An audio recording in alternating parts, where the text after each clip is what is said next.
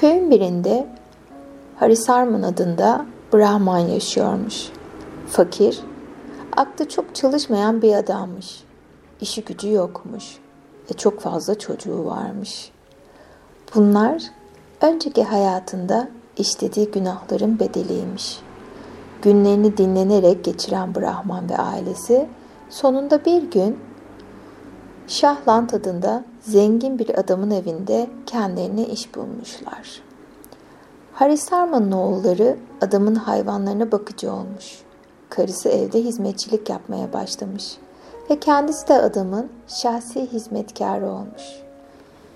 Bir gün Şahlant kızı evlenmiş.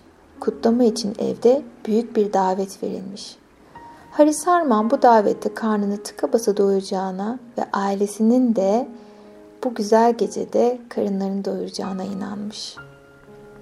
Ancak ona yemek veren olmamış. Davet boyunca aç kalan Harisarman gece olduğunda karısına fakirim biraz da aklım yavaş çalışıyor diye beni adam yerine koymadılar. Ben de bir işler çevirip herkese sihir yapabildiğime inandıracağım. Belki o zaman Şahlant bana azıcık saygı duyar. Sen de bir fırsatını yakaladığında laf arasına benim sihirbaz olduğumu sıkıştır demiş. Gece boyu konuyu düşünmüş ve herkes uyurken kalkıp Şahlant'ın damadının bindiği atı ahırdan çıkartmış. Götürüp biraz uzağa saklamış. Sabah olduğunda insanlar her yere bakmış. Ancak atı hiçbir yerde bulamamışlar. Bu durumu kötüye işaret olarak gören Şahlant, içten içe evhamlanıp atı çalan hırsızları ararken Harisarman'ın karısı gelip ona ''Kocam bilgi bir adamdır. Çok iyi fal bakar ve büyü yapar. Ona söylerseniz atınızın geri gelmesini sağlar.'' demiş. Şahland bunu duyduğunda Harisarman'ı çağırıp atı geri getirip getiremeyeceğini sormuş. Harisarman ''Dün yüzüme bakan yoktu. Bugün atınız çalınıp da başınız sıkışınca benden yardım istiyorsunuz.'' demiş. Harisarman'ın gönlünü almak isteyen Şahland davette onu unuttuğu için özür dilemiş ve atı kimin çaldığını söylemesini istemiş. Harisarman yere bir taşla bir sürü anlamsız şekil çizmiş. Bunları uzun uzun bakıp düşünür gibi yapmış. Ve hırsızlar atı güneydeki sınırın yakınına götürüp gizlemişler. Gün batarken de alıp götürecekler. Gün bitmeden gidin, alın atınızı demiş. Bunu duyanlar hep birlikte Harisarman'ın söylediği yere gitmiş. Atı bulup getirmişler. Herkes ona bir bilge gibi davranıyor, Şahland bile etrafında dönüyormuş. Harisarman neredeyse mutluluktan uçacakmış. Aradan günler geçmiş. Bir gün kralın sarayına hırsız girmiş. Saraydan bir sürü altın ve mücevher çalınmış. Kral hiç zaman kaybetmeden artık ünü bütün ülkeye yayılmış olan Harisarman'ı çağırtmış. Harisarman yine yerleri anlamsız şekiller çizmiş, garip hareketlerde zaman kazanmaya çalışmış ve en sonunda hırsızın kim olduğunu size yarın söyleyeceğim demiş. İstirahat etmesi için onu sarayda bir odaya yerleştirmişler. Kapısına da muhafız dikmişler. Harisarman başına açılan bu işten dolayı çok üzgünmüş. Sarayda Jihva adında bir hizmetçi varmış. İsmi dil anlamına geliyormuş. Erkek kardeşinin yardımıyla saraydan hazineleri çalan bu kadınmış. Harisarman'ın ne yaman bir falcı ne bilge bir kain olduğunu ve ertesi gün hırsızın kim olduğunu bulacağını duyduğunda kadının eli ayağına dolaşmış. Bu yüzden gecenin bir yarısı gizlice gidip adamın kapısına kulağına dayamış. İşe yarar bir şeyler duymaya çalışmış. O esnada içeride yalnız olan Haris Arman ise kendi kendine konuşuyor. Söylediği yalanlar yüzünden kendini suçluyormuş. Ah seni işe yaramaz dil diyormuş. Gördün mü? Aç gözlülüğün nelere mal oldu sana. Şimdi çek bakalım başına gelenleri. Sana az bile. Kapının arkasında bunları duyan Jihva yakalandığını düşünerek dehşete kapılmış. Bir şekilde adamın odasına girmeyi başarmış. Ayaklarına kapanık. Brahman, tamam yakaladın beni. Ben çaldım hazineleri saraydan. Sonra da gidip sarayın arka bahçesindeki nar ağacının altına gömdüm. Benim canımı bağışla, adımı krala söyleme, neyin varsa senin olsun demiş. Bunları duyan Harisman hiç bozuntuya vermeden kalk ayağa kadın demiş. Bana bildiğim şeyleri anlatıp durma. Haris Harman'ım ben, unuttun galiba. Geçmişi, şimdiyi, geleceği en iyi ben bilirim. Ama korkma, seni ele vermeyeceğim. Öyle sefilsin ki insan sana merhamet etmek istiyor. Ama ne kadar paran varsa bana vereceksin. Kadın Haris Arman'ın isteğini kabul edip yanından ayrılmış. Tekrar yalnız kalan Haris Arman şaşkınlıkla kadere bak sen az önce boynumun vurulmasından korkarken şimdi hem canımı hem itibarımı kurtaracak hem de zengin olacağım. Ben kendi dilime laf sayarken sen git söylediklerimi kendi üstüne al. Olacak iş değil diye düşünmüş. Artık endişesi kalmadığı için rahat bir uyku çekmiş, sabah olduğunda kralın huzuruna çıkmış, hırsızın hazinenin bir kısmını alıp kaçtığını ama geri kalanının bahçedeki nar ağacının altında gömülü olduğunu söylemiş. Kayıp hazinesinin büyük kısmını geri aldığına çok sevinen kral, Haris Arman'a cömertçe ödüllenmiş. Ancak kralın veziri ve akıllı bir adam olan Dejaman bu işte bir bit yemeği olduğunu hissetmiş ve kural, kralın kulağına eğilerek geleceği hiç kimse bilemez kralım demiş. Hele ki şu adam ne eski ilimleri okumuş ne de bir bilge. Aksine kafası doğru düzgün çalışmıyor bile. Bana kalırsa bu adam hırsızla işbirliği yapıyor. Ona bu kadar güvenmeden önce bir sınayalım derim ben. Kral biraz düşünmüş.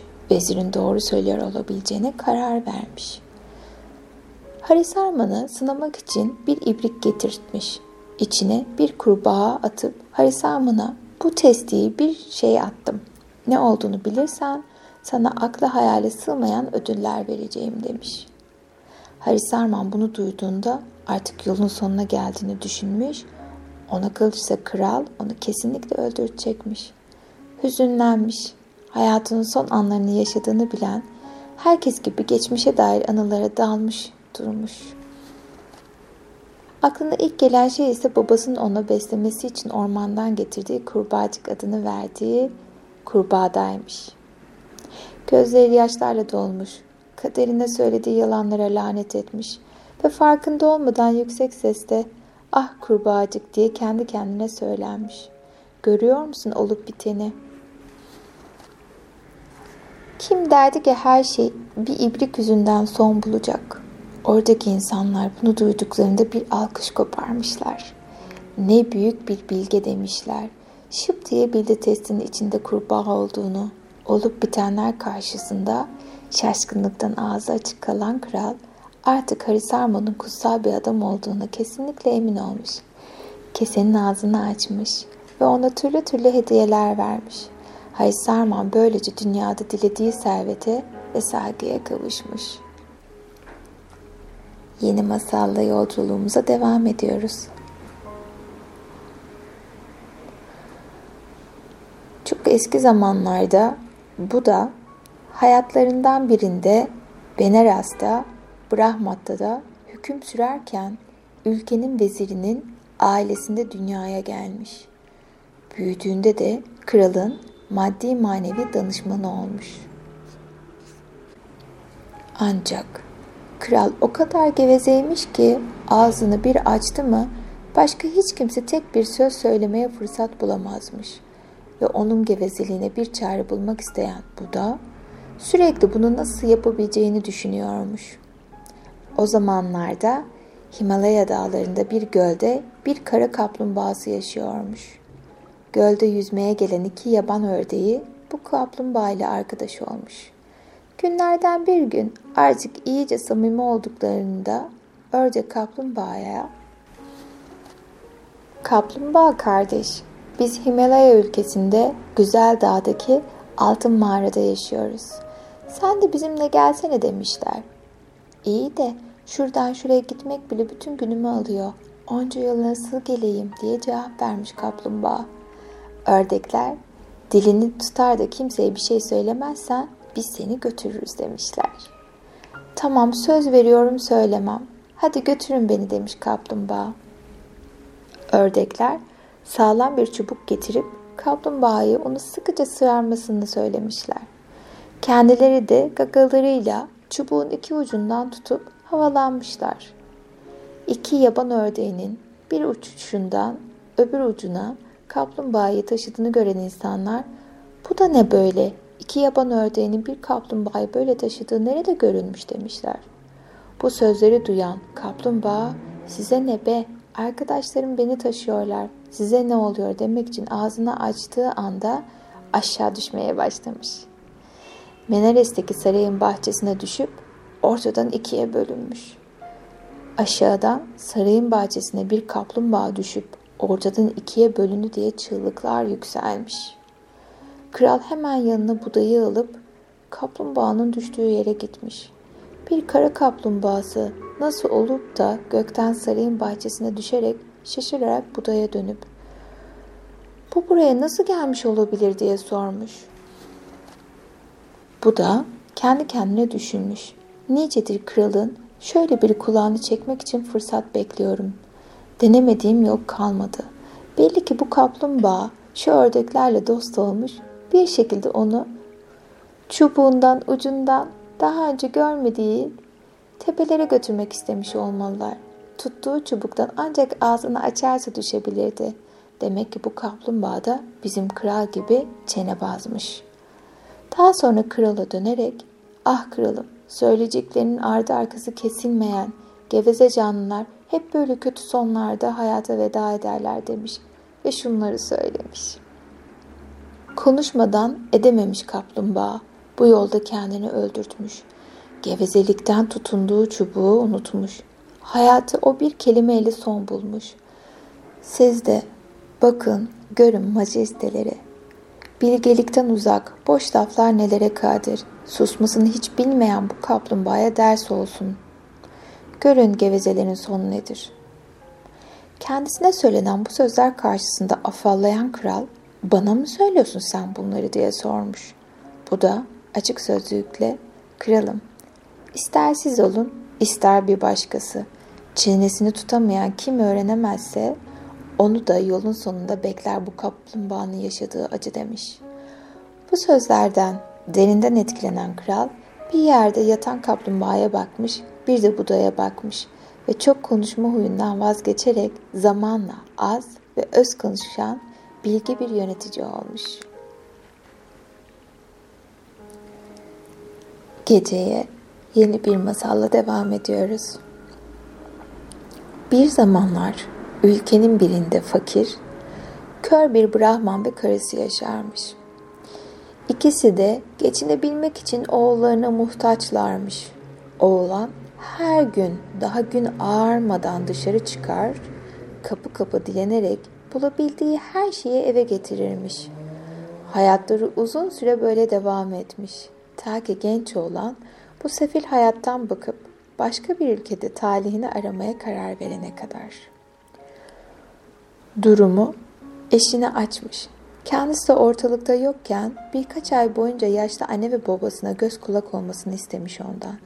Babası ve annesi bu kararlarına sinirlenip ona saldırsalar da, darılsalar da karısına onun yokluğunda yaşlıları mutlu etmeye çalışmasını söyleyip ve yola koyulmuş. Çıkınında iki lokma yiyecekle günlerce yol almış. En sonunda komşu ülkenin başkentine varmış. Gidip bir tüccarın dükkanına, kapısına oturup dilenmeye başlamış.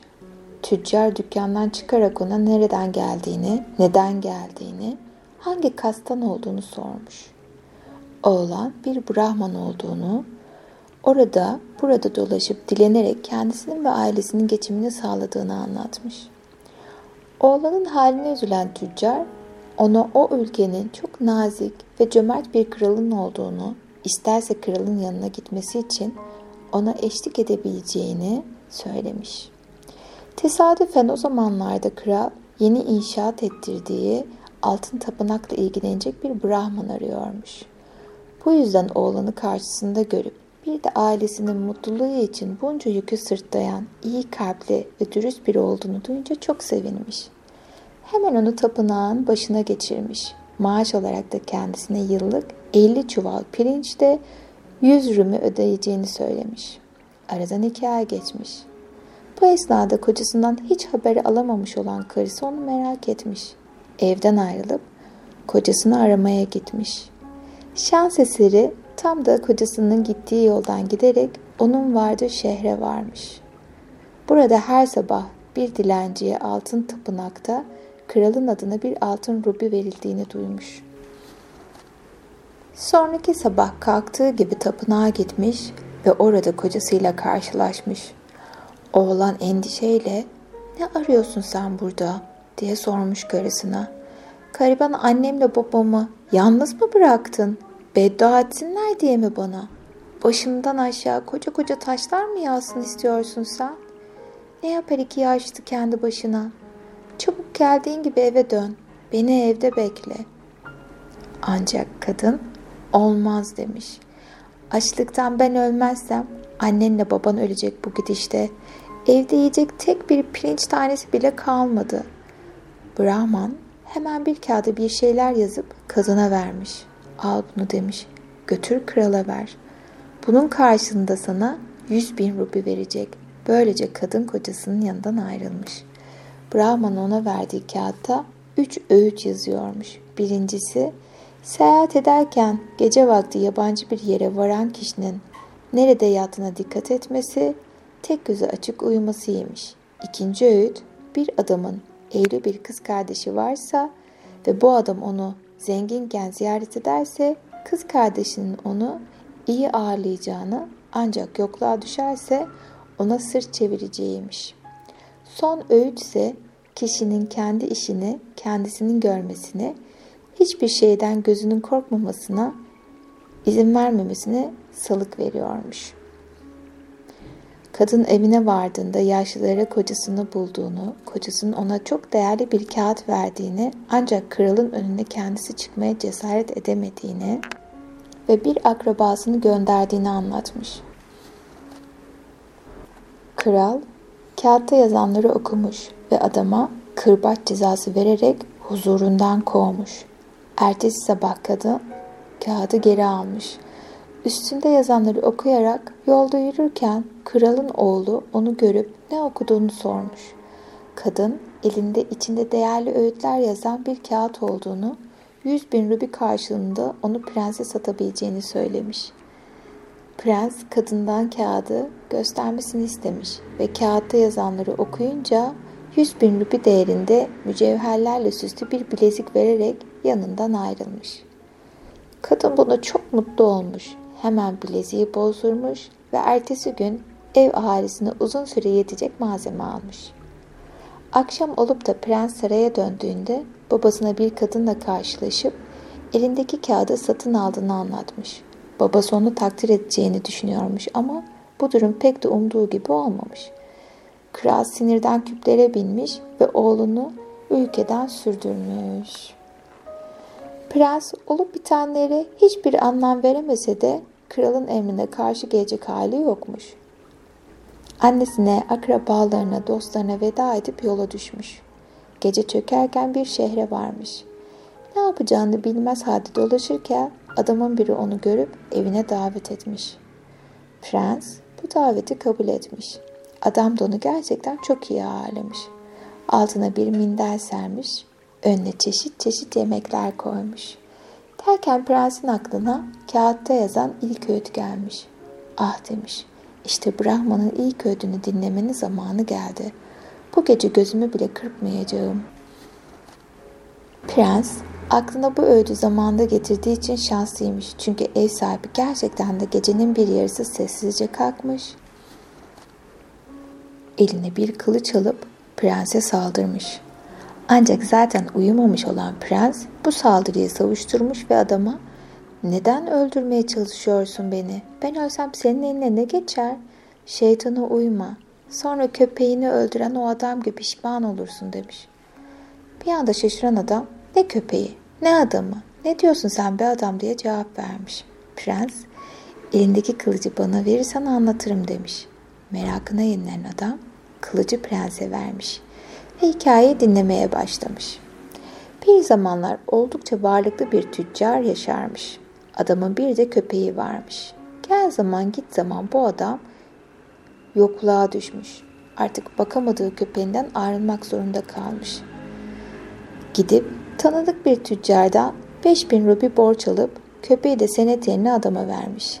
Elindeki parayla yeniden ticarete atılmış ama uzun zaman geçmeden bir gün bizim adama borç veren tüccarın dükkanına hırsız girmiş. Dükkanı baştan aşağı talan etmiş. Kasada 10 rubi bile bırakmamış.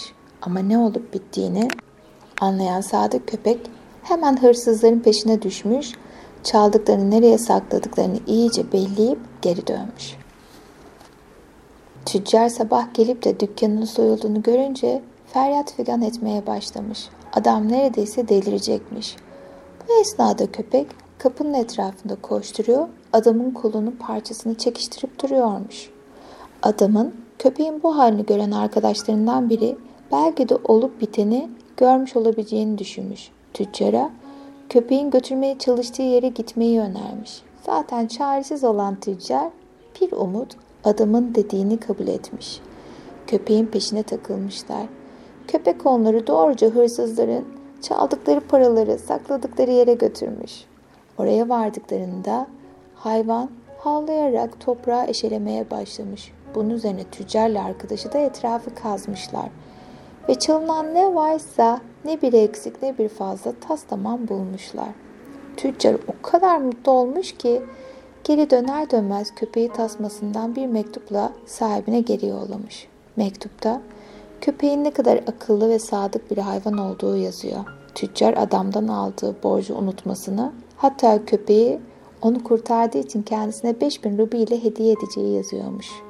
Ancak bizim tüccar senet olarak verdiği köpeğini uzaktan görünce eyvah demiş. Arkadaşım parasını geri isteyecek. Nasıl öderim o kadar parayı? Daha yeni toparlanmaya çalışıyorum. Şunun şurasında ne kadar zaman oldu ki ben yeniden çalışmaya başlayalım. En iyisi buraya kadar gelmeden köpekten kurtulayım. Sonra da köpeği başkası kaybetti derim. Tüccar, senedime sahip çıkamadığım için ortada borç filan yok der. Adam hemen dışarıya koşarak zavallı köpeği başka bir yere doğru bırakmış. Ve kaçarken üzülerek koşan hayvan tasmasından mektupla yere düşmüş. Adam mektubu alıp okuduğunda yüreğine adeta kor düşmüş. Sen de bir düşün diye sözlerine devam etmiş prens. Hayatın boyunca pişman olmayasın sonra. Prens bunları söyleyerek hikayesini bitirdiğinde gün ağrıyormuş. Evden çıkıp tekrar yola koyulmuş. Kız kardeşinin kocasının hüküm sürdüğü ülkeye gitmeye karar vermiş. Oraya vardığında bir yogi kılığına girerek sarayın yakınlarında bir ağacın dibine oturup ibadet ediyormuş gibi numara yapmaya başlamış. Ülkesine kutsal bir adamın geldiği haberi kralın kulağına gitmiş.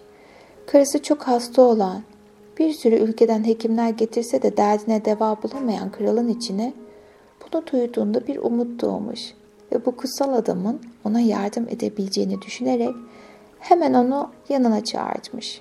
Ancak Yogi saraya gelmeyi reddetmiş. Kapılık yüzünü göstermeyen binalara girmeyeceğini, majestelerinin kendisini görmek istiyorsa karısını da alıp kendisini gelmesini gerektiğini söylemiş. Karısının iyileşmesi için her şeyi yapmaya razı olan kral onu da alıp Yogi'nin yanına gitmiş. Kutsal adam kadının önünde bağdaş oturup beklemesini istemiş. Kadın bu şekilde 3 saat boyunca oturduktan sonra artık iyileştiğini, kalkıp gidebileceğini söylemiş. Akşam olduğunda ise sarayda büyük bir yaygara kokmuş. Çünkü kraliçenin inci tesbihi kayıpmış ve hiç kimse nerede olduğunu bilmiyormuş. Sonunda birini akıl danışmak için Yogi'nin yanına göndermiş. Tesbih sabah Yogi'nin kadına tedavi ettiği yerde öylece duruyormuş. Bunu duyunca sinirden deliye dönen kral hemen Yogi'nin asılmasını emretmiş. Ancak bu emir yerine getirilmeden prens ülkeden kaçıp gitmiş. Artık ikinci öğütün de doğruluğundan eminmiş. Yoga kıyafetlerini çıkarıp kendi kıyafetleri içinde ağır ağır yol alırken bir çömlekçi ile ailesini görmüş. Bunlar bir kenarda oturmuş hem ağlıyor hem gülüyorlarmış. Bir süre onları izleyen prens bu duruma bir anlam verememiş. En sonunda dayanamayıp deli misiniz siz diye sormuş. Gülünecek, mutlu olacak bir şey varsa niye bir yandan ağlıyorsunuz? Yok kötü bir şey olduysa da ağlayacaksanız niye bir yandan da gülüyorsunuz? Sen kendi işine baktığına diye cevap vermiş çömlekçi. Seni ne ilgilendirir? Bunun üzerine prens affedersin demiş. Sadece sebebini merak ettim. Çömlekçi söyleyeyim o zaman demiş. Anlatmaya başlamış. Bizim kralımızın bir kızı var. Bu kızla evlenen kim olursa olsun daha aynı odada kaldıkları ilk gece ölü veriyor. Kral kızını her gün yeniden evlendiriyor. Kızın bütün kocaları evliliklerinin ikinci gününü görmeden ölüyor. Ortalıkta evlenme çağında delikanlı kalmadı. Yakında sıra bizim oğlana da gelecek. Koskoca prens bir çömlekçinin oğluyla evlenecek. Böyle saçma bir şey mi olur? İşte buna gülüyoruz. Ama öte yandan bizim oğlumuz da düğün gecesi ölüp gidecek. Elimizden bir şey gelmiyor. Bu yüzden de ağlıyoruz. Prens, hakikaten de insan böyle bir durumda gülmeli mi, ağlamalı mı bilemez demiş. Ancak artık ağlamayın. Ben oğlunuzun yerine geçer, onun yerine prensesle evlenirim. Onun elbiselerini bana giydirmeniz yeterli. Çok sevinen çömlekçi prens bir güzel hazırlamış, saraya uğurlamış. Gece olup da prens, prensesin odasına geldiği zaman bakalım kaderimde ne var diye düşünmüş. Benden önceki delikanlılar gibi ölüp gidecek miyim ben de? Yatağa uzanmış, bir eli belindeki kılıcı sıkı sıkı tutuyormuş. Gece boyunca uyumamaya ve ülkenin neredeyse bütün genç erkeklerinin sonunu getiren gizemin ne olduğunu görmeye karar vermiş. Gecenin bir yarısı prenses derin uykudayken burun deliklerinden iki yılan çıkmış. Prensi öldürmek için bacaklarından yukarıya sürünmeye başlamışlar. Ancak bu duruma hazırlıklı olan prens kılıcını savurduğu gibi ikisini de öldürmüş. Gün doğduğunda kral prensin ölüp ölmediğini görmeye gelmiş. Delikanlıyı kızıyla karşılıklı oturmuş. Neşeyle muhabbet ederken gördüğünde çok şaşırmış. Bir bu delikanlı hayatta kaldı kızımın yanında. Kader bağlamış demek ki onları birbirine diye düşünmüş. Odaya girerek sen kimsin delikanlı doğruyu söyle bana nereden geldin diye sormuş. Prens ben görkemli bir ülkenin kralının oğluyum efendim diye cevap vermiş. Kral kızının hayat boyu eşi olacak bu adamın soylu bir aileden geldiğini öğrendiğinde mutluluğu ikiye katlanmış. Ona sarayında kalmasını söylemiş ve onu tahtının varisi ilan etmiş. Prens bir yıldan fazla bir zaman sarayda kaldıktan sonra ülkesini ziyaret etmek için izin isteyerek yola koyulmuş. Kral ona filler, atlar, mücevherler ve babası için hediyeler vermiş. Prens yol üstünde tekrar kız kardeşinin kocasının hüküm sürdüğü ülkeden geçmek zorundaymış. Ülkeye girdiğinin haberini alan krala ulaşmış. Kral onun önünde el pençe divan durmuş. Gelip sarayında kalmasını, onu onurlandırmasını istemiş. Saraya gittiklerinde kız kardeşi onu gülücüklerle, öpücüklerle karşılamış. Tekrar yola çıkmadan önce prens onlara önceki ziyaretinde olanları, ülkelerinden nasıl apar topar kaçtığını anlatmış. Daha sonra onlara iki fil, iki güzel at, 15 asker ve 100 bin rubi değerinde mücevher hediye ederek yoluna devam etmiş. Uzun bir yoldan sonra sonunda evine varan prens, annesine ve babasına geldiğini haber etmiş. Oğullarını uzun zamandır görmeyen ve yabanda ölüp gittiğini düşünen anne ve babasının gözleri meğer ağlamaktan kör olmuş. Kral, gelsin oğlumun yanıma demiş. Gelip elleriyle gözlerimize dokunsun. Gözümüzün önündeki perdeyi kaldırsın. Prens geldiğinde yaşlı anne ve babası onu hasretle kucaklamışlar. Prens hemen anne ve babasının gözlerini okşayarak yeniden görmelerini sağlamış. Babasına olan biten her şeyi anlatmış. Brahman'ın karısından aldığı kağıt parçasının onu ölümlerden kurtardığını söylemiş. Pişman olan kral oğlundan affetmesini istemiş. Artık herkes mutluymuş. Ve geceye artık derin bir uykuyla devam ediyoruz. Şimdi kendini çok güzel bir uykuya bırakıyorsun ve sabahleyin tam uyanmak istediğin saatte uyanıyorsun. Ve uyanırken kendini dinç, enerjik, mutlu ve güvende hissederek uyanıyorsun. Ve artık kendini uykunun o güzel enerjisine bırakıyorsun. Güzel uykular.